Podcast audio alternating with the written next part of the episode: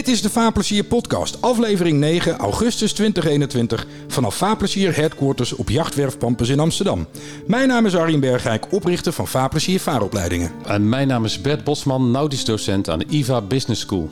In de Vaarplezier podcast vandaag een professionele blik op de wereld van de watersport met het nieuws, onze podcast Epco Ongering en we sluiten zoals altijd af met wat verder ter scheepstafel komt. En dan begin ik meteen met het nieuwtje, nieuwtjes eigenlijk, uh, Arjen. Want ik heb niet zozeer één of twee, maar een kleine verzameling. Ik was aan het kijken in mijn, op mijn computer en al de nieuwsbrieven die ik volg. En wat me opviel was een, soort verzameling die ontstond. Want binnen vijf minuten kwam ik tot de volgende onderwerpen. Waterstofhybride schip voor onderzoek en onderwijs. Niet IVA overigens.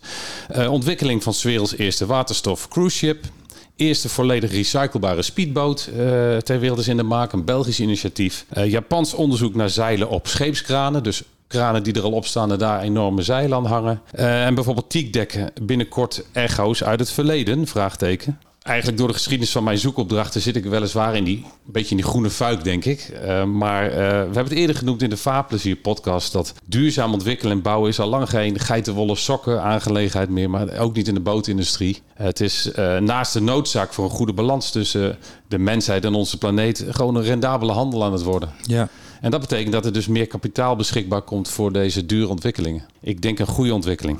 Ja, dat denk ik ook. En wij gaan natuurlijk zeker op de aandrijvingsvormen waterstof en elektrisch gaan we oktober, november gaan we daar uh, in de Vaarplezier podcast uh, vijf thema's aan besteden. Ja, maar ik, ik ben met je eens. Je ziet het steeds meer om je heen. Het valt mij ook voor de auto's op dat grote fabrikanten nu ook in gezamenlijke consortia starten. hoe heet het? Stappen. Dat ja. woord ik. in gezamenlijke consortia stappen om gewoon heel breed te kijken naar aandrijfvormen voor alle vervoersmodaliteiten. Want je kunt het inderdaad wel alleen voor een boot of een auto uitzoeken, maar ja, ook vliegtuigen en ook grote exact. boten en, uh, en allerlei brommers hebben natuurlijk ook allerlei aandrijvingsvormen ja. nodig. Ja. ja, zeker. Mijn zoon las laatst voor een, een, um, een motor, gewoon een, een, een diesel volgens mij op luchtdruk. Dus die neemt gewoon oh. een paar enorme tanks met, ik meen, duizend bar mee.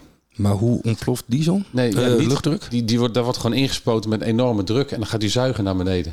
Oh. Er ontstaat alleen warmte. Door, door die, net zoals met een fietspomp. Ja, het, het, is echt heel interessant wat er allemaal nog gaat, uh, gaat gebeuren. Alleen om een tank uh, mee te krijgen of op duizend bar te krijgen, dat vergt natuurlijk wel wat energie. Maar uh, ja.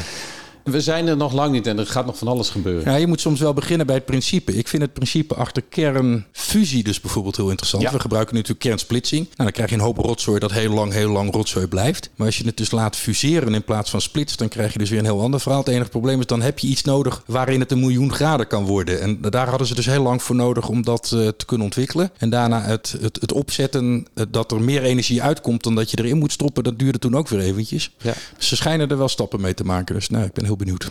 Ja, mooi. Mooie ontwikkelingen. Even een ander nieuwtje. Elaine, Elaine Bunting, onze collega Epco, uh, bekend van de, als redacteur van de Yachting World, propageert het volgende. We moeten het zeilen herontwerpen. Ik las het in een nieuwsbrief van Matt Strait en zij zegt, even in het Engels: Our industry should create high, highly accessible wind-powered craft for a new generation of participants by harnessing the best of advancing boat and equipment design, while choosing which traditions to keep or to ignore.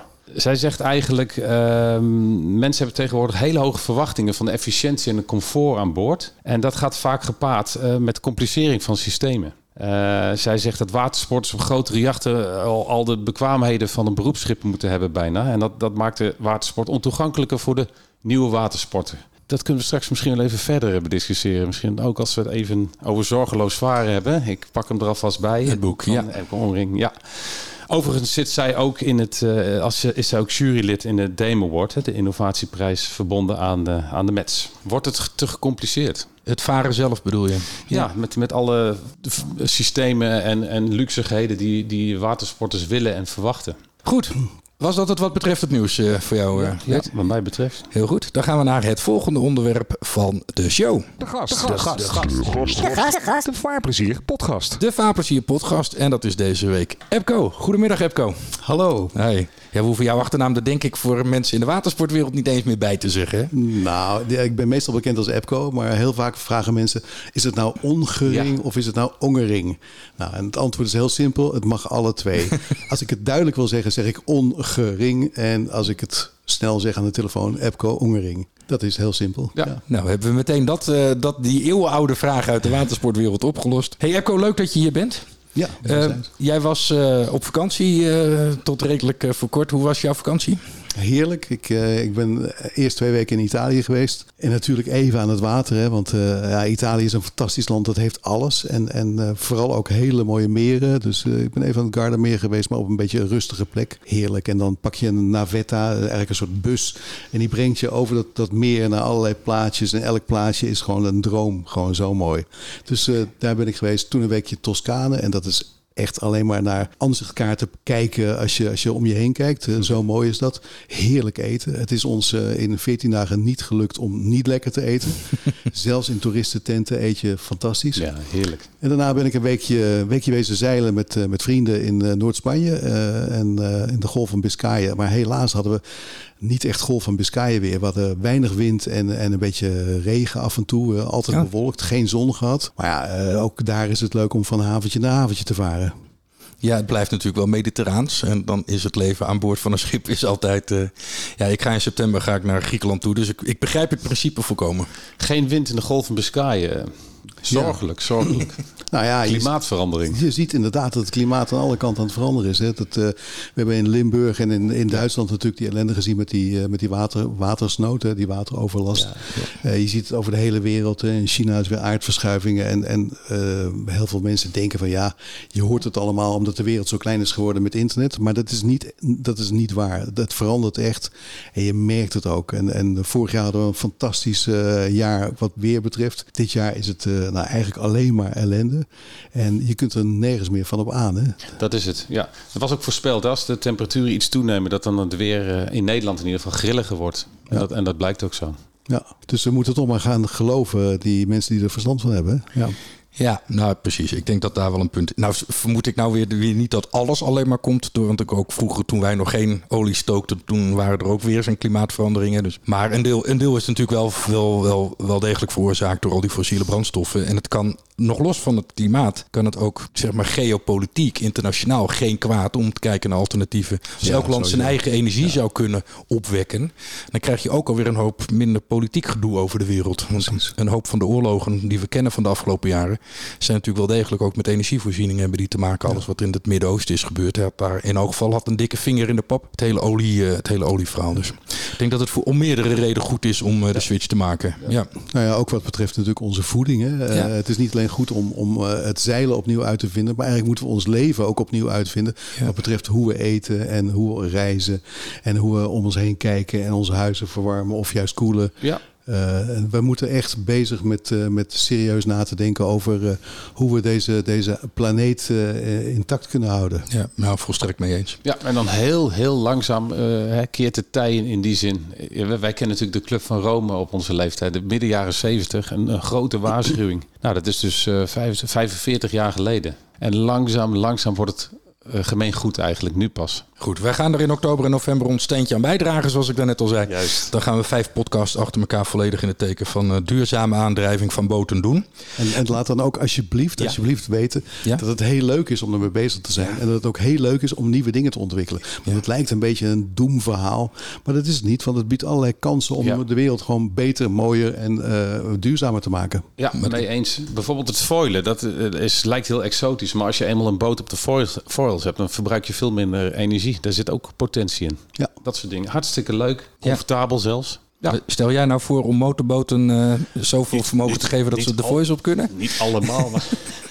nou, over meer heb ik wel eens voor een foilende rondvaartboot gelegen. Ja. Of een veerpont. Ja, dat klopt. Uh, waterstartend. Uh, nou, ik, ben, ik heb nog nooit zo snel op de plank gestaan, geloof ik. er is een hele mooie Top Gear aflevering ook... waarin je hem voorbij ziet komen op het Schoudermeer. Ja, ja, ja. ja. Goed. Hey Epco, um, er zijn een miljoen redenen waarom we met jou willen praten. Want wat wij doen hier met de podcast... Um, um, laten we zeggen media over watersport. Laten we eerlijk zijn, in Nederland hebben we dat zo'n beetje allemaal van jou afgekeken. Je lang op televisie geweest. Voor de Telegraaf heb jij natuurlijk hoe, lang heb jij voor de Telegraaf? Ik heb een kleine tien jaar voor de Telegraaf gewerkt. En ja. daarvoor heb ik, uh, nou even iets van ook ruim tien jaar heb ik uh, Vision onder andere gedaan. En ja. heel, heel, veel televisiewerk met name. Hè. Bij de Telegraaf heb ik ook nog tv gemaakt. Maar dat is even wat minder geweest dan in de Yacht Vision tijd. Wat echt de bloeiperiode was uh, waarin we 800.000 kijkers voor een aflevering hadden. Dat heeft nooit meer een watersportprogramma gehaald. of je moet André van Duin erbij halen. Hè. Wat ik overigens ook heel leuk vind hoor. Echt de kneuterigheid en top. Ja. Maar ik, ik, heel eerlijk gezegd, ik, we hebben de Geert Dijks laatst in de uitzending natuurlijk. Ja, heel per ongeluk heeft dat programma natuurlijk echt wel op een bepaalde doelgroep indruk gemaakt voor watersport. Hij liet watersport zien op een manier waarop voor de wat oudere doelgroep watersport natuurlijk fantastisch is. Ga op zo'n bootje zitten, lekker keutelen van de ene sluis naar de andere sluis. Prachtig. Maak je niet te druk, leg op tijd aan zodat je vast aan je wijntje en je borreltje en, en je nootjes kunt beginnen. En laat ook vooral zien dat het niet allemaal rocket science is. Hè? Dat ook dat varen niet zo heel erg moeilijk hoeft te zijn. Hè? Als je het maar rustig aan doet en, en de sfeer gezellig houdt. Ja. Ja, en, en dingen eromheen. Want dan lig je ergens en dan ga je een uitstapje maken. En dan gooi je de fietsen van, eh, van het achterdek af. En dan ga je naar eh, de paardenmanege. En weet ik het wat ze allemaal, eh, allemaal gezien hebben. Ja, ik vond het echt grandioos iets om te zien, heel eerlijk gezegd. Ja, er zijn hele mooie kraantjes voor, hè, voor de, om de fietsen die best wel zwaar zijn, met name als ze elektrisch zijn, om die keurig op de wal en weer terug te takelen. Ja. Pri- Prima uitvindingen zijn daarvoor. Leuk. Zorgeloos varen. Ja, zorgeloos varen. Ja, dat is natuurlijk zeggen. het mooiste. Dat wil je allemaal. Hè? Ja. Iedereen kan zich wel voorstellen dat varen gewoon heel leuk is. Maar toch denken heel veel mensen... ja, maar het is best een beetje lastig. Er zit geen rem op. Eh, ze worden nogal eens door de wind opzij gezet. En, en, eh, dus eh, mensen maken zich zorgen als ze moeten gaan varen. En zeker ook als ze een boot huren. Hè, dan krijgen ze een hele korte instructie van een Nurkse eh, verhuurder. Ja. Ja, en dan varen ze op het water. En hoe zit het nou? Oh, er komt een boot van, van, van links. Heeft hij nou voorrang? Of, eh, eh, nou, ja, dat lijkt allemaal heel ingewikkeld. En eh, ik durf te beweren dat het niet ingewikkeld is. En dat het allemaal best wel meevalt. En dat je het gewoon moet doen. En dat je ervaring, hè, ja, sorry, moet gaan opdoen. Ervaring wil niks anders zeggen dan dat je het heel veel doet. En, en, en lekker om je heen kijkt. En relaxed bent. Nou, daar heb ik dus een boekje over geschreven. En dat heet dan ook Zorgeloos Varen. Ja, hoe kom je op het idee van het boek? Nou, dat idee komt niet van mezelf, maar dat komt van een uitgever. Ehm, dat is Casper Schaaf. Casper is een eh, FD-zeiler. En die, eh, die heb ik vroeger als stagiair gehad toen bij Yad Vision. eh, in, de redactie van Yad Vision. Hij, hij deed een, een, een- Volgens mij studeerde hij Nederlands of zo. Maar hij, hij zocht een, een plek om stage te lopen. En die heeft een half jaar bij mij stage gelopen. En die heeft mij continu gestalkt en gezegd... ja, als jij klaar bent bij de Telegraaf... dan moet je een boekje gaan maken. Een boekje voor beginnende watersporters. Ja, nou, leuk, dacht ik. Leuk. Ik heb dan toch niks te doen. En eh, dat eh, blijkt maar weer dat je dus heel slecht kunt kijken... over je pensioendatum heen. Want eh, ik heb het daarna eigenlijk veel drukker gekregen. Met name ook omdat Caspar continu bleef zeuren van... eh, gaan we het boekje nog verder ontwikkelen? Dus ik heb gezegd, nou, alles wat er ook gebeurt... maar je krijgt geen deadline van me. Hè. Dat ga ik gewoon niet doen. Ik bedoel, ik, ben, ik, doe het even wat rustiger aan... of ik probeer dat en ik heb het heel druk... Dus een deadline krijg je niet. En uiteindelijk heeft hij op slinkse wijze dat toch aan mij ontlokt. En ergens in april moest gewoon het manuscript klaar zijn. Want ja, anders dan zou het te laat uitkomen voor het vaarseizoen en dergelijke. Nou, ik ben heel lang bezig geweest. Ik kan best wel aardig schrijven. Ik heb eh, duizenden artikelen, net als Ja. jij Bert, eh, gemaakt over watersport. Ja. Maar dat is een heel ander verhaal dan een boek maken. En zeker een boek maken waarin je eh, een methode eigenlijk voorlegt om mensen de, de zorgeloos te laten varen. En eh, ik ben heel lang bezig geweest. Eh, ik heb echt twee jaar lang heb ik allerlei dingen geschreven en, en geprobeerd eh, onder elkaar te zetten. En, en rijtjes te maken en lijstjes te maken. Maar ik kwam er gewoon niet uit. Het, werd geen boek. Het werd gewoon een, een, een, een verzameling lijstjes. Toen heb ik een keer op een avond met een vriendin gesproken die heel veel leest en ook eh, ja, heel veel verstand heeft van dit soort dingen. En die zei tegen mij, ja, weet je wat jouw probleem is? Jij wil niet beginnende watersporters bedienen. Jij wil mensen meteen ervaren maken. En eh, dat moet je niet doen. Je moet eigenlijk gewoon eh, heel veel schrappen. Je moet gewoon stoppen met al die moeilijke dingen. Je moet niet gaan uit, uitleggen hoe een eh, stuurdruklager werkt en eh, wat het voordeel daarvan is. Of waar, wat voor verschillende soorten reefknuttels je hebt. Dat zijn allemaal dingen, dat zijn leuke woorden voor mensen om een keer anderen om de oren te slaan. En je moet gewoon beginnen met, nou wat doe je? Wat, als je op een boot stapt en waar let je op? Hè? En hoe, ga je, hoe vaar je weg? Hoe, hoe meer je aan? En, en welke knopen heb je nou echt nodig? Nou, dat zijn er vijf, hè? die heb ik erin geschreven. Ja, ja, Dus, ik eh, zie als eh, voorbereiding als hoofdstuk 1, maar opstappen als, als hoofdstuk 2. ja, dat is namelijk ook zo leuk. Ik zal het boek even recht voor de microfoon houden, voor de, voor de luisteraars. Fris boek, mooi boekje.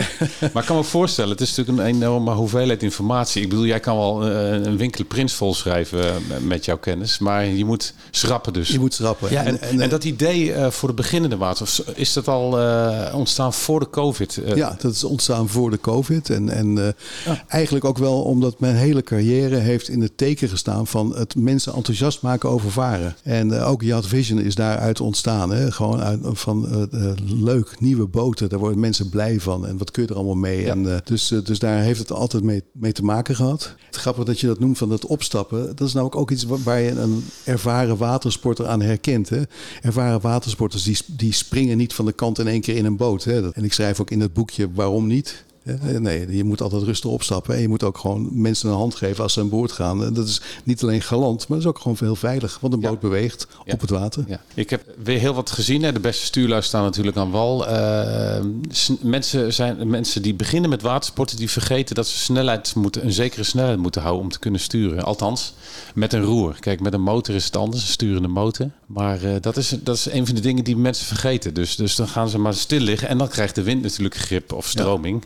Ik, ja. zag, ik zag een havenmeester roepen met een flinke wind: hou vaart, hou vaart. Dat is, dat is, dat is ook een hele gevaarlijk hè, om dat te zeggen. Want Precies. juist door heel veel vaart te maken, maken mensen fouten. Hè. Dan, uh, het, het, het moeilijk is ook dat je, je hebt zoveel verschillende vormen van boot en aandrijving. Dat uh, voor de ene geldt dat ja. je heel makkelijk kunt, uh, kunt varen als je geen vaart hebt. En bij de ander moet je vaart maken. Dus dat is best wel moeilijk. Er staan een aantal voorbeelden in. Maar het is een dun boekje, hè, 140 pagina's. Dus lang niet alles staat erin. En uh, ik zeg dan altijd maar, nou, misschien komt er ooit nog wel eens een vervolg. Nee, maar ik moest wel, toen jij dit net uitlegde, moest ik heel erg nadenken over. Uh, ik ben uh, zeilinstructeur binnen het CWO-systeem. En als je nieuwe instructeurs begeleidt, wat ik heel veel gedaan heb, dan de eerste dag willen ze binnen anderhalf uur willen ze hun cursisten al de overstag uitgelegd hebben. Terwijl, ja, als je dat even een beetje goed kielboot 1 bekijkt, dan ga je in de ochtend ga je eerst eens even de, de, de hoe werkt het roer überhaupt? hoe staat je zeil? En kun je van, van een klein beetje die kant naar een klein beetje een andere kant sturen? Ja. En dan is je ochtend is al klaar, weet je wel. Dan heb je het echt al gehad. Dus die overstag is iets voor de tweede dag, niet voor de eerste ochtend. Ja. En ik denk dat dat een beetje is wat jij bedoelde met je boekje. Dat je veel te snel naar de punten toe wilde waar... Die, die, die belangrijk zijn. Ja. En, nou, daarom zeg ik ook in dit boek, het is misschien een beetje flauw, maar begin eerst eens met een stukje rechtuit varen. Dat is al moeilijk zat. Ja. Epco, jij, heeft, jij zag het licht. Jij, jij zegt, uh, jij kreeg de tip van een vriendin van uh, je maakt het te groot, te groot, te ingewikkeld. Ja. En toen begon het te lopen. En toen, uh, toen heb ik eigenlijk die tekst in drie weken eruit gerammeld. ik ben eventjes met mijn vrouw met een camper een week op stap gegaan om eventjes me af te zonderen en daar lekker te kunnen schrijven en af en toe een stukje te fietsen en dergelijke. Ik ben er toen overigens wel achter gekomen met alle respect voor iedereen die een camper heeft of op een camping zit, maar het is niet mijn manier van, van vakantie vieren. Ik vind, ik vind het heel leuk voor mensen, maar het is niet iets voor mij. Ik ben meer van de boten. Ik, ik hou van de geur van gebakken eieren met spek in de haven s ochtends. En, en ik, ja, ik hou er niet van om als op een parkeerterrein in rijtjes naast elkaar te staan met af en toe tussen de twee campers een tuinkabouter in. Dat is niet helemaal mijn vorm van vakantie. Maar waarom ben je dit dan niet op een boot gaan doen?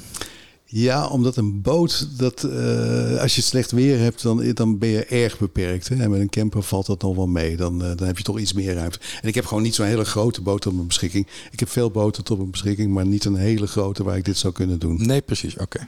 Toen jij eenmaal begon te schrijven, want de kennis heb jij natuurlijk, die zit helemaal in je hoofd. Wat, wat waren toen jouw aanknopingspunten? Wat wilde jij er per se in hebben? Nou, ik, ik, wat ik sowieso belangrijk vind is dat, je, dat mensen uh, een beetje goed voorbereid op stap gaan. He, die voorbereiding vind ik toch wel heel belangrijk. En dat betekent dat je, dat je let op, uh, uh, nou, kijk naar het weer, dat is heel belangrijk. Kijk niet op een weerapp of kijk wel op een weerapp, maar kijk vooral ook naar de lucht, want dat zegt je veel meer. Dus dat is een ding. zorg dat iedereen weet wat de plannen zijn. Zorg dat je een opgeladen telefoon bij je hebt. Van die hele simpele ja. dingen, maar het is wel handig als ze een keer ergens opgeschreven staan. zorg dat je, dat je het vaargebied kent. Ik kom zelf uit Vinkenveen en Vinkenveen is een fantastisch mooi vaargebied. Maar het enige wat je wel moet weten is dat er heel veel verdronken eilanden zijn. Dat betekent dat je lang niet overal een, een plas zo dwars over kunt steken, omdat je dan vastloopt op de eilanden die onder water liggen. Nou, uh, dus leer je vaargebied, of uh, verken je vaargebied van tevoren. Ja. Zorg dat je de boot een beetje beheerst. Zorg dat je toch even een paar hele simpele gereedschapsdingetjes en misschien een reserveonderdeeltje bij je hebt. Ja, dat zijn er maar een paar, dus die heb ik ook daarin aangegeven. En als je dat doet, dan kun je uh, goed voorbereid op pad en, en uh, heb je eigenlijk heel weinig zorgen verder. Misschien nog even de, de oliepeil controleren en de wierpot legen. Dat is ja. altijd zo'n ding van de KNRM, hè, dat een hoop mensen met verstopte brandstoffilters en... Uh... Ja, het is wel grappig dat je dat zegt, want dat is juist iets waar heel veel mensen op afhaken. Hè? Juist ja. oliepijlen en dan moet die motorkist open. En zo. Mensen willen, dat doe je in je auto ook niet. Hè? Je gaat in je auto ook niet je oliepijlen voordat je weggaat. Waarom zou dat niet goed zijn? bij een moderne motor hoort dat gewoon goed te zijn. Dus, dus ga er maar vanuit dat het goed is en controleer het af en toe. En wat ik ook zeg en wat ik heel belangrijk vind is onderhoud. Hè, doe alleen maar dat wat je zeker zelf kunt, doe dat zelf. Maar laat het voor, voor de rest door professionals doen. Hè. We hebben in Nederland een leger aan hele goede professionals die, eh, die uitstekend onderhoud kunnen doen aan de boot. En dat is niet alleen de motor, maar ook aan de, door het stuurinrichting natuurlijk. En, en sowieso ook aan allerlei onderdelen zoals de kranen en de, de afsluiters. Ja, nee, maar je hebt wel gelijk. Als ik in mijn cursus een klein vaarwijs 1 tegen mensen zeg dat je bij een, eh, een indirecte koeling, dus een gesloten koelsysteem, dat je af en toe eens even moet controleren hoeveel koelvloeistof je nog in je systeem hebt zitten. Dan kijken mensen echt heel glazig aan en zeg ik, maar jongens, dat doe je toch bij je auto ook? Nou, dan gaat er niet één vingertje omhoog. Maar tegelijkertijd een vierpot. Ja, ik geef vaak het voorbeeld in de lessen. Ik vaar ook op rondvaartboten in Amsterdam. Dan in het seizoen dat, uh, ik vergeet steeds de naam, volgens mij zijn het Elsen die bomen. Als die uh, in mei, juni verruien, dan moeten we op sommige rondvaartboten drie keer per dag de vierpot legen. Anders gaat het gewoon niet meer. Dus ja, een vierpot moet je wel af en toe gewoon eens even checken. Nee, helemaal eens, ja. absoluut. Zeker in Amsterdam waar je natuurlijk ook heel veel uh, plastic zakken in het water hebt. in het water. En, ja, plus, de, de, plus de bouwer moet daar rekening mee houden. En die wierpot op een zeer goed uh, benaderbare plek, toegankelijke plek ja. maken. Ja. Nou, maar, maar dat is het dus inderdaad. Hè. Ik denk niet dat je de techniek dat die hoeft af te schrikken. Maar je moet het wel zo maken dat... Want de wierpot controleren, zelfs een wierpot leegmaken... is 30 seconden werk. Het stelt echt niks voor. Ja. hoewel die deksel heel vast kan zitten. Hè. Dat weet je ook wel. Dat, ja. Uh, Niet als je hem regelmatig zo maakt. Dan zit hij weer niet vast. Goed, we gaan daar eventjes vanaf. Wat is volgens jou de belangrijkste tip die in het boek staat? Uh... Oeh. Ja, ik geef er heel veel. Hè. Wat is de ja. belangrijkste tip? Nou, dat is eigenlijk toch gewoon uh, laat je eerst begeleiden door iemand die rustig is en, en die je een beetje vertelt hoe, hoe en wat, die je een beetje vertrouwd maakt. En ga verder zoveel mogelijk het water op. Ga lekker oefenen bij verschillende omstandigheden. Begin niet te moeilijk. Hè. Begin niet uh, met, uh, met windkracht 7 en, en uh, met, met slechte, slecht weer, maar begin lekker makkelijk op een, op een, in een makkelijk gebied. En ga niet meteen de grachten van Amsterdam door. Hè. Dat is ook onhandig. Hè. Maar begin een keer op, op Loosdrecht, op het Vinkenveense Plas en een beetje rondvaren. Dat, is, dat zijn eigenlijk de belangrijkste tips. En, uh, Ervaring opdoen met iemand die het al kent. Dat in is... het begin zeker, ja. ja. Dus wat dat betreft, uh, nou, dat sluit ook weer aan bij wat jij doet. Uh, ja. Doe maar eens een cursus. Hè. Volg maar eens een cursus. Dat, dat is heel verrijkend. En, en dat kan bij een, een cursusinstituut zijn. Maar dat kan natuurlijk ook gewoon de buurman zijn die al 30 jaar op de Bruine Vloot heeft gevaren. En in de weekend ja. en de vakanties ook altijd vaart. Ja. ja. Nou, dat is absoluut waar. Ik zie hoofdstuk 10, zeilen. Dat zijn acht pagina's, een, kort, een vogelvlucht. um, ja, je begint te ik, ik, wij kennen de bundel van IVA, van de nautische vaktheorie. Uh, ik heb daar redelijk in moeten schrappen, omdat het, het land niet goed bij jongelui, heb ik het idee, zeilen. Nee. Dat, of er zitten een paar zeilers in de klas die, die vervelen zich, die weten dat al lang.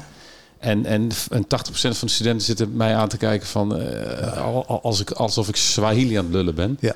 Dus de, ik, ik heb het idee dat interesse een beetje tanend is voor de zeilsport. Ja. Heb jij dat idee ook bij de jeugd? Helaas, ja, ja absoluut. De, ik bedoel, zeilen is toch voor mij een beetje de basis van de watersport. En uh, zo ben ik ook ooit begonnen, hè, in een piraatje uh, gezet. En nou, kijk maar wat er gebeurt. Nou, zie maar waar het schip strandt. Zie maar wat het schip strandt, inderdaad. Um, maar dat is heel jammer dat, uh, dat jonge mensen daar, uh, daar toch tegen, tegenop zien. Ik, ik weet dat als ze met elkaar gaan zeilen, zoals op de IVA ook gebeurt, dan, dan hebben ze de tijd van hun leven en dan vinden ze het geweldig. Uh, maar dan heb je toch altijd dat de echte zeilers die nemen het voortouw. En uh, dat betekent ook dat de, de, de niet-zeilers ook niet zo heel veel leren. En de theorie achter het zeilen is best wel ingewikkeld. Dus vandaar dat ik acht pagina's heb uh, besteed aan, nou eigenlijk korte cursus zeilen, zeilen in één dag. Hè? Hoe kun je ja. in één dag leren zeilen? Nou, dat kun je natuurlijk niet, maar je kunt wel een beetje de basis uitproberen. Ja. En, en ga mee met iemand die ervaren is en dan wordt het alleen maar leuk. Ja, wat je zegt, die rust. Ik, ik denk dat daar heel veel uh, mensen opvallen of uh, voor gaan dan. Als een, een schip de boel onder controle heeft en, en heel relaxed, uh, ook in alle situaties, ook bij sluizen en een keer iets te scheef gaan of ja. een keer een schoot knap van, nou jongens, dat lossen, lossen we op. Dat is heel belangrijk, inderdaad, dat je de rust hebt. En, uh, maar toch hebben veel mensen het idee dat er, dat er altijd stress en spanning bij komt. En dat komt omdat het natuurlijk af en toe best wel spannend is ook. En als je dan naar voren gaat gillen waar, waar oma met de pikhaak staat, dan, dan wordt het er vaak niet beter op. En dan krijg je dat de, boot een andere kant op gaat dan je wil. En voor je het weet lig je achterstevoren in de sluis en ben je het lachertje. Dus dat, dat willen mensen wel voorkomen. En, en nou daarom zeg ik ook van pak in zo'n sluis altijd de middenbolder. Hè. Kom aanvaren, zorg, let op het schroefwater van, de, van de boter voor je. Ja. Kom er niet al te hard in varen, want dan krijg, komt het water via die, die, die uh, deur komt weer terug uh, naar je. Dus uh, ja, doe alles met rust. Ja, maar ik denk dat dat een belangrijke is. Rust en overzicht houden. Ja. Wij zeggen bij onze vaarlessen die, we, die wij verzorgen, hebben we het altijd over de drie seconden regel. Mensen zijn namelijk gewend als je in een auto zit, je trapt het gaspedaal en dan ga je meteen vooruit. Op een boot duurt altijd alles even twee of drie seconden. En daar zie je dus die filmpjes die we kennen van mensen die vol gas vooruit, vol gas achteruit. Waarom? Dan zetten ze met ze vooruit. Dan een seconde later is er nog niks gebeurd. Denken ze, hé, hey, er gebeurt nog niks. Het is te weinig gas. Geven ze de gas bij. Dan gaat hij ineens versnellen. En dan achteruit precies hetzelfde. Moeten ze afremmen. Zetten ze hem in achteruit. Gebeurt er niks. Dan raken ze in paniek. Nog meer gas erbij. Dus wij proberen met vaarlessen inderdaad altijd mensen op die drie seconden. Zet hem eerst maar eens gewoon hè, in zijn werk. Dus vanuit neutraal uh, in zijn gas. En als je drie seconden later vindt dat er nog iets bij kan. Nou, dan doe je er weer wat bij. Wacht je weer even een tijdje. Ga ik nou nog niet hard genoeg. Nog een klein beetje erbij. Maar gewoon rustig aan opbouwen. En dan hoef je ook inderdaad niet als een debiel af te remmen. Als je weet hoe dat werkt. Volgens mij moet je ook gewoon een boekje schrijven. Ja, wij doen het gewoon in de praktijk. Oh, in de praktijk, ja, leuk. Ja. Ja, wij zijn collega's. Epco, dat boekje kwam voor mij als een volslagen verrassing. Niet dat ik, ik hou van verrassing hoor, daar niet van. Maar je had dus blijkbaar ook te, gewoon tijd. Nou ja, het, het, het, er is een hoop veranderd hè, afgelopen jaar. Ik ben dus uh, bij de Telegraaf gestopt, hè, met pensioen gegaan daar. Uh, en daar moet je weg als je AOW krijgt. En uh, dat is verder prima hoor. Dan krijg je ook voor jongeren krijgt een kans. Het enige jammer is dat, dat er nog maar heel weinig aandacht voor boten in de grootste kant van Nederland is. Dus dat, dat vind ik echt jammer. Met, met mijn vertrek is dat, dat geminimaliseerd. Mag ik overigens inbreken? Een maand geleden ongeveer heb ik nog met een boot op de voorpagina van de Telegraaf gestaan. Toen was het namelijk heel warm. En toen werd er in Amsterdam een foto gemaakt van mensen die in het water sprongen voor de Hermitage. En daar voer een rondvaartboot achter. Juist. En ik ben herkenbaar. Als je het weet, dan ben ik herkenbaar als de schipper op die boot. Dus uh, dat is de enige uitzondering nog, is dat er toen een boot op de voorpagina van de Telegraaf heeft gestaan. het fijne is wel dat die boten dan geassocieerd worden met mooi weer. Absoluut. Dus, uh, dus dat is leuk. Absoluut. Maar ik, uh, ik ben daar gestopt. Ehm, bij de IVA is er, na de, in, ja, zijn we op een bepaald moment, ik, ik gaf net als, net als Bert nautische vaktheorie. En en, en dat is ontzettend leuk aan de eerstejaars HBO en de eerstejaars MBO studenten. Daar heb ik heel veel plezier altijd aan gehad. Maar wij moesten vanwege de COVID vorig jaar uh, virtueel gaan lesgeven of, of uh, via de, de computer gaan lesgeven. Waardoor ik het contact met de studenten heel erg miste. En ik het gevoel had dat ik een uh, urenlange monoloog aan het houden was over de voor- en de nadelen van het oploep, opvloeven en afvallen. En, ja. en dat je merkte dat studenten wegzakken. En in de klas kun je ze dan een, een verbale tik om de oren geven. Uh, maar als je ze niet ziet en er niet bij bent, dan wordt dat moeilijk. En ja. in diezelfde tijd uh, is ook de hele opzet van de, van de opleiding is veranderd. Hè, en, en zijn de zaken meer in blokken gegeven. Waardoor het voor ja. mij eigenlijk niet goed te combineren was om te blijven lesgeven met de andere werkzaamheden die ik heb. Hè. Dat is dan met name hoofdredacteur van uh, Boter te Koop Magazine. En toen uh, hebben de mensen van de IVA gevraagd of ik uh, stagebegeleiding wilde gaan geven. Nou, dat heb ik uh, gedaan en ontzettend veel plezier aan gehad. Want ik vind eigenlijk weinig dingen leuker dan dat jonge mensen gewoon helemaal enthousiast worden in de branche waar ze werken. En, en merken dat ze daar hun, hun stiel vinden. merken dat ze de dingen toe kunnen passen die ze op school geleerd hebben. Soms ook wel met allerlei problemen komen. En als je ze daarmee kunt helpen, is dat heel dankbaar. Ja.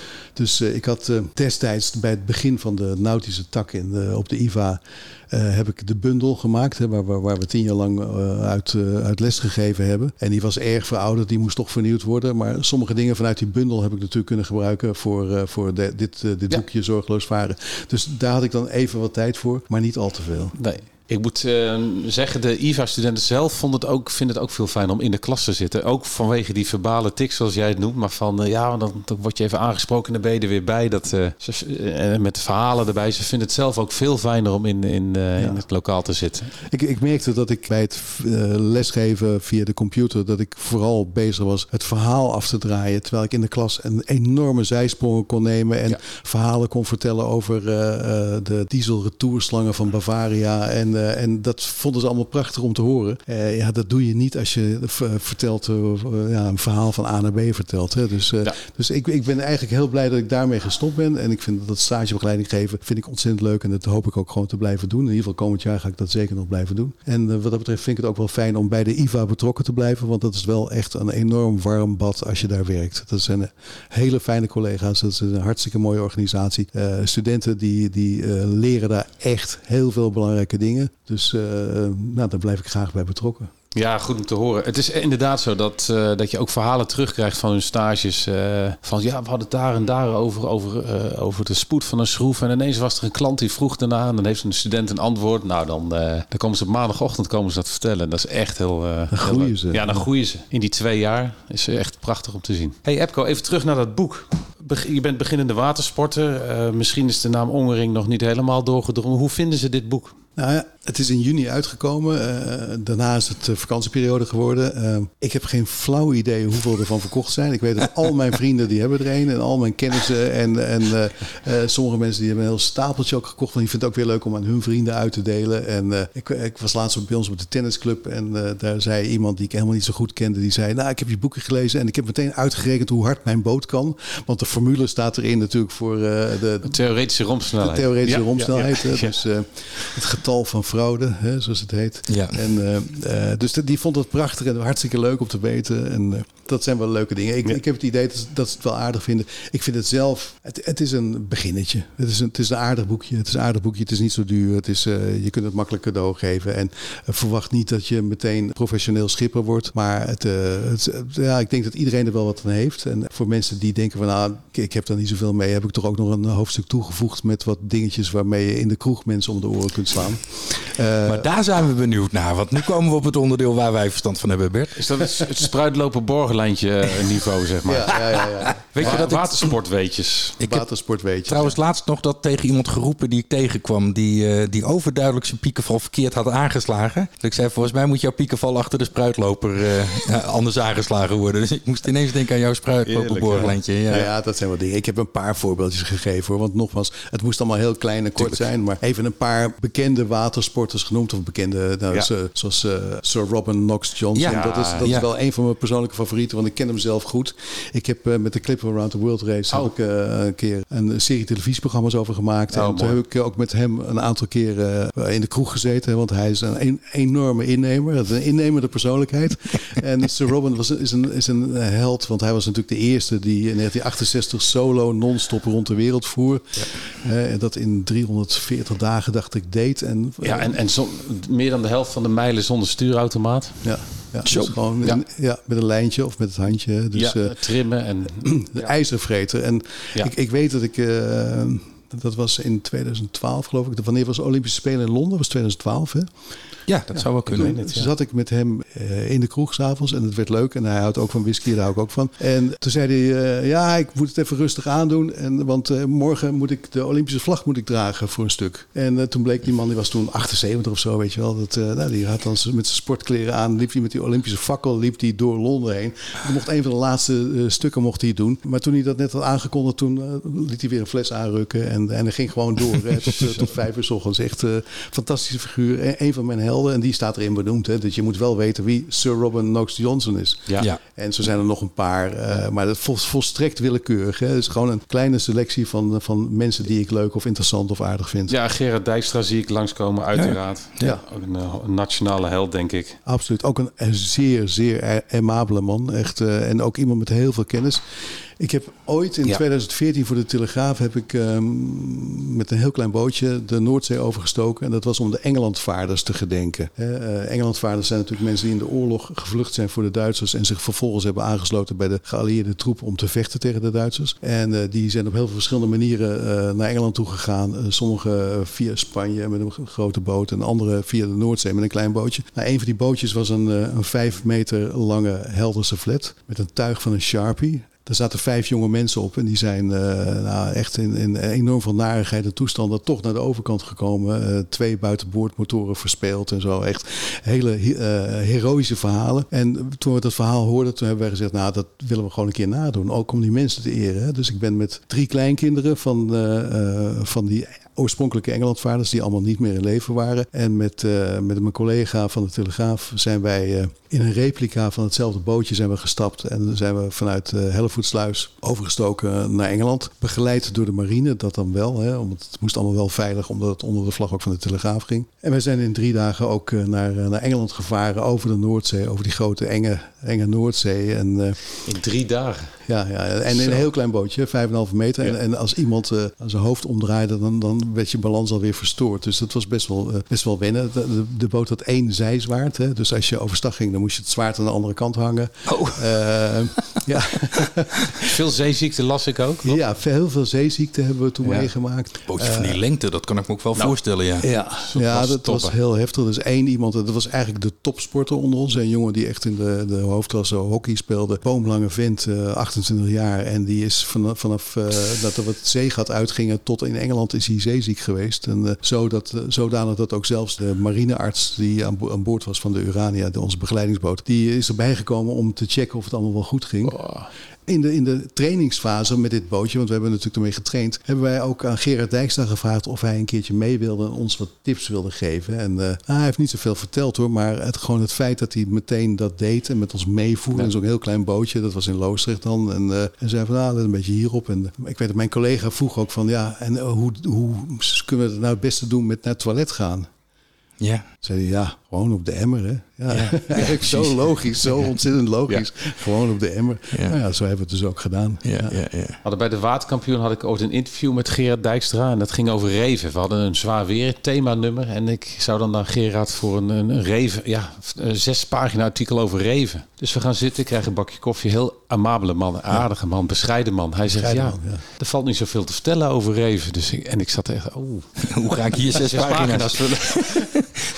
En hij begint rustig te praten en te praten en te praten. En al die kennis begint te stromen. En oh, en ik schrijf. Oh, prachtig. Ja, ja echt fantastisch. Kwam ik bij de Hiswa, zag ik hem op zijn fietsie uh, aankomen. Fietsje op slot en loopt zo. Uh, hij hoeft nog net geen entree te betalen. Maar dat zou hij zo doen in zijn, ja, uh, in zijn aard, denk ik. Weet ik zeker. En het is een grootheid, hè, want hij heeft echt ja. prachtige dingen ontworpen. Hij heeft ook grote prestaties neergezet. Echt fantastisch. Ja. leuk. Ja, zo hebben we er wel meer. Hè. Zo zijn er echt veel, veel Nederlanders die toch wel heel bijzonder zijn. Ik, ik noem er nog een paar. Hè natuurlijk Volvo Ocean Race bouwen, Becking, dat, die kun je niet missen. Uh, maar zo zijn er nog wel meer. Ja. En, en wat ik ook daarachterin vertel is van nou, uh, roep maar eens iets geks. Iets, uh, in een, een gek woord van een boot. En dan merk je meteen wie botenmensen zijn en wie niet. Dat is ook wel weer ja, leuk. Maar daar wil ik dus meteen even in op inhaken. Want als we kijken naar de toekomst van de watersport. Hè, er zijn nu een hoop mensen die zijn door COVID op het water terechtgekomen. Die hadden geen achtergrond. Als je met die mensen praat, dan is het eerste wat ze zeggen is... ja, ik dacht altijd dat het vreselijk ingewikkeld was. En nu valt het eigenlijk best wel mee. Hebben wij als business het niet ook jarenlang veel te moeilijk gemaakt voor mensen? Ik bedoel, we hebben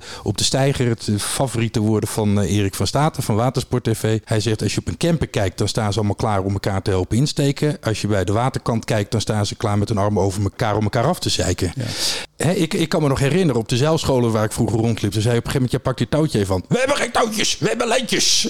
Dat soort, dat soort punten. Is dat ja. niet een ding? Ja, dat is een ding. En, en ik weet ook waar dat uit voortkomt. Want dat komt voort uit het, uh, de monopolie die vroeger de, de zeilers hadden. En de, de, de, de rode broekenbrigade, om het maar zo te noemen. Ja. De mensen die, die vonden dat de watersport van hen was. En dat zij bepaalden wat goed was en wat niet goed was. Ja. Wat kon en wat niet kon. En die zijn langzaam maar zeker zijn ze natuurlijk uh, gedecimeerd. En, en, en links en rechts ingehaald door, door de motorbootvaarders. Want er zijn op dit moment, en, en of je het leuk vindt of niet. En, en ik ben zelf een zeiler, dus ik, ik vind het heel leuk als er veel zeilboten zijn.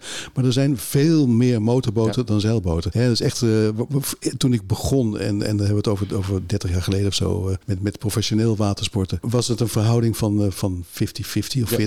40-60. En dat is nu 90-10, denk ik. Dus als je kijkt hoeveel nieuwe zeilboten er verkocht worden, ja. dat is heel beperkt. En, en zeilen is lastiger dan met de motorboot varen, zonder meer. Maar ja, je merkt toch ook, jij zei ook dat misschien wordt het allemaal te moeilijk en te ingewikkeld. Mijn ervaring is juist andersom. Hè. Het wordt steeds makkelijker. Om wat te noemen. Ik vaar veel met, met buitenboordmotoren. Hè. Dat is een trend. Je ziet dat steeds ja. meer inboordmotoren worden vervangen door buitenboordmotoren. Ja. Die buitenboordmotoren kunnen onafhankelijk van elkaar bewegen. En uh, als je een knopje indrukt met Skyhook, dan meet hij de GPS-positie. En dan blijft die boot gewoon perfect op die plek liggen. En vroeger moest je zorgen dat er in een straal van 100 meter om je heen geen boot lag. Ja, maar tegenwoordig kun je dat echt binnen vijf meter kun je dat doen. En dat werkt gewoon zo ontzettend goed. Dus dat is een stuk makkelijker. Je hebt al automatische afmeersystemen. Je hebt de boeg- en hekschroef waarmee je van alles kunt. Je hebt Ja. waterstralen waarmee je van alles kunt doen. Waardoor het toch allemaal een stuk makkelijker wordt. Eh, de navigatiesystemen zijn, zijn een stuk beter geworden, geavanceerder. Eh, je kunt met touchscreens kun je, kun je eigenlijk je hele route bepalen. En, eh, dus wat dat betreft denk ik dat het een stuk makkelijker is. En, en zeilen is eigenlijk ook een stuk makkelijker. Want eh, nou ja, ik, ik heb dus net in de golf van Biscayen gevaren. En wat we doen is, eh, we zetten de autopilot op de wind. Hè, en, eh, eh, en we gaan een boek lezen of een kop koffie zetten. En dan die boot gaat vanzelf wel door. Hoor. Ja. Dus, eh, Ja. Ja. Jij, jij neemt het in je boek op voor de boegschroef van de ander. Daar wordt dan eh, door de echte schippers, de, misschien wel de rode broekenbrigade, zo- zoals jij ze noemt, eh, denigrerend over gedaan. Maar het is natuurlijk een, een fantastisch hulpstukje als je, als je in de nauw komt of als er wat meer wind staat. Precies. Het, het, is, het is eigenlijk de vervanging van de dame met de, met de pikhaak op het voordek. Het is gewoon heel veilig. En natuurlijk, het is heel prima als je kunt varen zonder hem te gebruiken. En dat zal ik ook altijd proberen. Maar als het niet lukt, en dat heb ik vanochtend nog meegemaakt toen ik een boot heb getest in, in Sneek. Dan werd die boot continu door de wind weggeblazen. Ja, dan gebruik ik toch even dat pookje om even de neus naar tegen de kant aan te leggen. Nee. Het enige is dat mij wel vaak opvalt, is dat hij verkeerd gebruikt wordt op verkeerde momenten. Ja, je moet hem niet gebruiken op de, Als je- als, Duits sturen, hè, noemen ze Exact, dat. Eh, exact, dus ja. eh, om, om de boot van richting te laten veranderen. Ja. Nee, je moet, je moet hem echt alleen maar gebruiken om even een tikje eh, naar de kant te geven. En, Ja. Noemde je zo ook niet eh, dat je als je je stootwillen laat hangen links en rechts, bakboord, stuurboord, Duits, Duits varen? Of Dat, Nee, dat nee, zei. Jim vorige week. Oh, Dat zei Jim voor in de vorige podcast. Die, noemde dat Duits varen. Maar dat is ook zo'n onderwerp, hè? stoot willen overboord of niet. Dan zie je dus echt de oude brigade zeggen, nou dan ben je dus echt alsof je je middelvinger opsteekt naar de koningin. Als je midden op het water je stoot willen nog overboord hebt. En andere mensen zeggen, ja wat kan dat nou eigenlijk voor kwaad? Ik, eh, ik ben gewoon het met mijn geen het varen. kwaad, maar het is wel zo dat als je kijkt, en we kijken hier mooi op een aantal boten, de lijn van een boot, die is altijd heel belangrijk om te kijken naar een boot. Hè. Als je van boten houdt, dan, dan kijk je naar de lijn van de boot. En die wordt gewoon echt gruwelijk verstoord door die tampons die aan de buitenkant eh, bengelen. Maar mag en, en meteen- het is heel simpel om, om ze gewoon even binnen te leggen, waardoor je die, die boot gewoon één ja. keer, twee keer mooier wordt. met name voor zeilers denk ik, want die maken helling en dan wordt het helemaal een Nou goed, dan is het nog heel praktisch ook. praktisch. Maar mag ik advocaat van de duivel spelen? Hoeveel van de nieuwe COVID-mensen zijn bootliefhebbers? Nou, ik, ik hoop altijd dat ze steeds meer daarin groeien. En dat ze ook op een bepaald moment zoiets hebben van... eh, ja, het is ook wel raar ook dat je die dingen laat hangen. Dat is net als... Ik, ik had vroeger een tante, die had een nieuwe auto gekregen... maar twee jaar later had ze nog steeds dat plastic over die stoelen zitten. En als de dood dat die stoelen eh, vies zouden worden of iets dergelijks... Nou, dat is ook een beetje als je die stoot wil laten hangen. Het is even een, je moet een klein beetje moeite doen... en dan ziet die boot er gewoon beter uit. En als je eh, een haven ingaat, dan hang je ze weer op. En dat is helemaal niet zo moeilijk. Buiten het feit nog dat ze vaak gewoon door het water slepen en dan water opspatten en dergelijke. Dus het is een kleine moeite. Dat, dat, dat is het. Als het niet een kleine moeite was, dan zou ik ook zeggen van laat het lekker hangen. Ja. Ik heb nog één belangrijke vraag voordat we naar het volgende onderdeel gaan. Al die nieuwe watersporters die er nu komen, al dan niet door COVID of mensen die op een andere manier op het water komen, wat is het belangrijkste eh, waar we met z'n allen voor moeten zorgen dat die mensen dat leuk vinden? Waar moet watersporten aan voldoen? Regel 1, help elkaar. Gewoon, dat is gewoon, eh, als je inderdaad, als iemand in de haven aankomt, pak even een lijntje aan. eh, eh, zorg dat je een boot even afhoudt als hij dreigt tegen de kant aan te komen. Ja, ik, ik ben opgegroeid op een zeilboot en als we de haven in, in kwamen, dan hielpen we elkaar. En vaak was het ook de, de eerste stap om met elkaar een borrel te drinken. En dan werd het gewoon heel gezellig. En dan had je ook een soort gemeenschap. Je hoorde bij elkaar. En dat moeten we als watersporters vooral zo houden. Bij elkaar horen, elkaar helpen Ja. en, en het gewoon gezellig maken. Ja. Helpt voor eh, leuk watersporten het praktisch vaarbewijs nog, denk jij? Dat is een hele goeie. Nou, ik denk het wel. Ik denk dat als jij nu een vaarbewijs haalt, wil dat niks anders zeggen dan dat je aardig kunt leren en dat je een hele hoop regeltjes uit je hoofd hebt geleerd. Maar het, het zegt helemaal niets, 0,0 over of jij echt ook kunt varen. Terwijl ehm, je kunt het vaarbewijs sexy maken door mensen met een boot te laten varen. En als zij die boot gewoon goed kunnen beheersen, dan is het leuk als je kunt zeggen van kijk, ik heb mijn vaarbewijs gehaald, dus ik kan varen. Nu kunnen mensen alleen maar zeggen, ik heb mijn vaarbewijs gehaald, dus ik heb een examen ken de gedaan. regels. Ik ken, de, ik ken wat regeltjes. Ja. En, en ook, nou ja, eh, dat is ook weer weer een stokpaardje van me, sorry daarvoor. Ooit hebben ze een verkeerde afslag genomen. Hè, wat is er gebeurd toen het vaarwijs uh, in, in, in, in, leven werd geroepen? Toen hebben ze gedacht van, oh, wat we doen is we maken, uh, we hebben de beroepsschippers, die hebben een vaarbewijs en we maken een soort light versie daarvan. Maar beroepsschippers die zijn opgegroeid op een boot, die weten echt wel hoe je een lijntje vastlegt. En die weten echt wel nou, heel veel andere dingen die beginnende watersporters niet weten. Dus al die dingen, zoals bijvoorbeeld hoe je een paalsteek maakt hè, en, en, dat soort dingen. Dat leren mensen niet bij een vaarbewijs. Maar dat is voor het varen wel heel erg belangrijk. En heel veel dingen leren ze wel die voor, voor het varen totaal niet belangrijk zijn. Hè. Ik weet dat ik, dat heb ik al heel vaak gezegd hoor, maar op mijn vaarbewijsexamen, wat ik de eerste keer overigens niet haalde, de tweede keer wel hoor, uh, oh. kreeg, ik, kreeg ik, kreeg ik de vraag naar de, verlichting, naar de verlichting van een Duitse douaneboot. Nou, ik, ik, oh, vaar, ik vaar echt al sinds dat ik kan lopen zo'n beetje. Uh, en ik ben nog nooit een Duitse douaneboot tegengekomen. Dus wat heeft het oh. voor zin om iemand te vragen naar, naar, naar dat soort zaken? Nou, dat, dat is gelukkig dan nu wel uitgehaald. Maar er zitten zoveel overbodige dingen uit, omdat ze ooit verkeerd begonnen zijn. Ze hadden moeten denken, nou in feite zoals in het boekje, van uh, wat hebben mensen nodig om te weten? Bijvoorbeeld als jij snel varen, trim van een boot is ontzettend belangrijk. En die is gewoon ook voor de beheersing van die boot heel belangrijk. En nu leer je wat theoretische dingen, maar leer je niet die boot beheersen. Ik vind voor snelvaren is het essentieel dat je goed leert trimmen. Dat je ook weet wat je wel en wat je niet kunt doen. En wat je bij golven kunt doen om te voorkomen dat die boot met zijn neus erin duikt. Of te voorkomen dat die boot achterover uh, slaat. Dat zijn hele belangrijke dingen die er nu niet in zitten.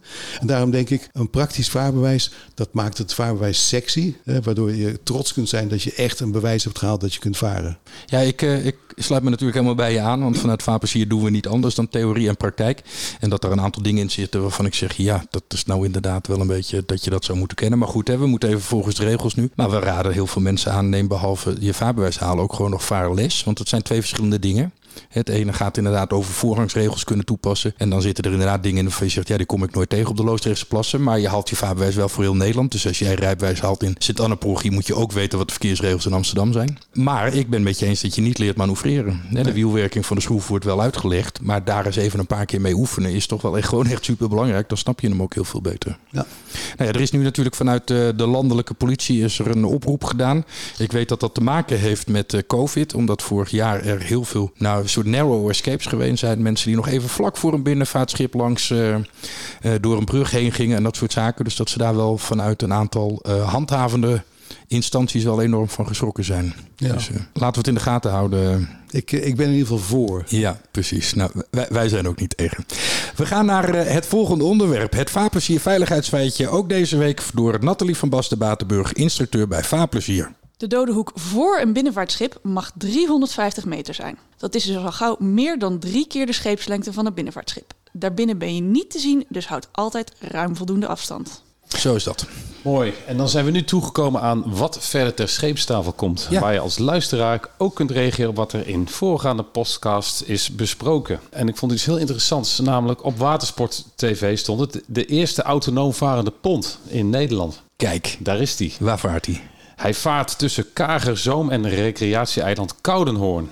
En hij is elektrisch en hij vaart dus zonder schipper. Eh, de pont haalt zijn energie uit eigen zonnepanelen en is de eerste operationele automatisch varende veerpont in Nederland. En het is een proef voor drie maanden. Kan hij dan ook zelf bepalen wanneer hij af moet varen? Dus er zijn nu mensen aan boord die drukken op een knop en dan gaat hij? Of gaat hij ook zelf kijken, het is nu kwart over vier, dit is het tijdstip waarop ik vertrek? Ja, interessant. Interessant, dat weet ik niet. ik kan me wel voorstellen, als je halverwege met je vouwfiets of met je fiets dan, en dat hij dan die pont dan denkt, hé, hey, het is kwart over drie, ik, ik, ben er klaar voor. Ik ben er klaar voor. nou, dan zullen ze dan vast wel een soort waarschuwingslampen en een aftelding of, of zo. Met een slagboompje of... Uh, interessante vraag. Moet we achteraan. Ja. Of een luisteraar. de pont is ontwikkeld door de Future Mobility Network, Next Generation Shipyard en Buffalo Automation. Allemaal Engelse namen. Maar er is samengewerkt met de Smart Labs van TU Delft. Tijdens de proefperiode van de pont worden allerlei zaken getest en onderzocht. En de provincie Zuid-Holland financiert dit onderzoek. En nu komt het mooie: passagiers varen tijdens de proefperiode gratis over. En met borden op de oevers worden watersporters gewaarschuwd voor de automatisch varende pont en verzocht afstand te houden en voorrang te geven. Ja, want dat is natuurlijk dan wel weer de volgende vraag ook. Precies. Geeft het artikel iets over de verantwoordelijkheid voor de schipper? Want dat is natuurlijk altijd artikel 1.02 BPR. Exact, daar hebben we het eerder over gehad. Dus de andere watersporters wordt gevraagd voorrang te verlenen. Dat is gebruikelijk bij een pond natuurlijk. Maar uh, watersporters wel, ja. Precies. Als, als, er, ja, als zo'n watersporter niet oplet en er gebeurt iets, dan, nou ja, daar is die proef voor, denk ik. Wat gaat er dan uh, wat, wat er gaat gebeuren? Ik ben benieuwd naar de conclusies. Hij kan in elk geval nooit goed zeemanschap toepassen, waarschijnlijk. Nee, maar of het is ingeprogrammeerd. Maar dat is niet zo, want het, is, uh, het is niet. Want ik, Arjen, ik weet bijna wat je wilt vragen in dit verband. Namelijk de Mayflower. Ja, exact. Ja, het, lijkt natuurlijk op ons terugkerende Mayflower. Exact, de Mayflower, onze autonome, autonome trimaran die niet naar Koudehoorn moet varen, maar de hele oceaan over notenbenen. En die in tegenstelling tot Berend Botje wel uh, weer omkeerde. Uh, ik heb het even nagegaan. Er, is een, er was een breuk ontstaan in de flexibele koppeling tussen generator en uitlaat. Um, daardoor is hij uitgeschakeld en kon hij zijn beoogde snelheid niet halen. Hij had gewoon uh, energietekort. Dus hij heeft zonnepanelen, maar hij kon maar met een knoopje of vier in plaats van de beoogde 10 of 12 ja, ja, naar de overkant. Uh, en ik vind het toch of grappig of grappig uh, dat een onderzoeksschip dat, uh, schip dat ramvol zit met kunstmatige intelligentie, AI, AI, moet terugkeren voor een relatief eenvoudig mechanisch ja, probleem. Een soort basis, basistechnisch ja. ding. Ja, ja, Maar goed, het ijs in Plymouth en er wordt aan gewerkt en er komt een andere poging, wordt vervolgd. Maar bij die pont ben ik wel heel benieuwd. Ik, we moeten daar toch even kijken of we daar eens een mailtje aan kunnen wagen, Bert. Staat genoteerd. Hoe, hoe, we dat, hoe ze dat juridisch doen, zou ik maar zeggen. Want dat is ja, nu ook voor autonoom rijden op de weg, maar met name autonoom varen, geen schipper aan boord. Ja. Wie is er nu verantwoordelijk? Ja. Of dat mensen zeggen, ik, ik vind het gewoon gezelliger als er een schipper aan boord is om een praatje mee te maken. Nou ja, technisch gezien weet ik, ik ken een paar piloten, dat uh, voor het vliegen van hier naar New York hebben ze al lang technisch gezien geen piloot meer nodig. Ze zeggen alleen, er is waarschijnlijk geen passagier die het vliegtuig in krijgt als ze weten dat er geen piloot in de cockpit zit. Terwijl het misschien statistisch aan te tonen is dat het veel veiliger is om met een computer te vliegen. Dat Mag weet ik niet. Ja, nee, dat, zonder enige twijfel. Ja. Goed, nou daar gaan we de volgende keer op terugkomen. En dan gaan we alweer redelijk richting het einde van uh, deze aflevering. Want tot zover deze aflevering van de Vaarplezier podcast. We danken uh, Epco voor zijn aanwezigheid vandaag. Graag gedaan, ik vond het erg leuk. Ja, nou we gaan je ongetwijfeld weer een keertje tegenkomen. Misschien straks op de Heerswarte Water en anders uh, nog de boten te koop boten op de, op de Amsterdamse grachten. Je weet ja. het maar nooit. U kunt de voorgaande afleveringen terugvinden in uw favoriete podcast-app of op vaarplezier.nl slash podcast. Ja, en vergeet je niet te abonneren op de podcast, bijvoorbeeld in Spotify, Apple Podcast of elke andere podcastplayer. Dan krijg je de nieuwe afleveringen automatisch in je player. En reageren kun je via podcast.vaarplezier.nl. De Vaarplezier podcast is een initiatief van Vaarplezier Vaaropleidingen met medewerking van de IVA Business School. Voor nu hartelijk dank. Zijn naam is Bert Bosman. En zijn naam is Arjen Bergijk. Tot de volgende Vaarplezier podcast.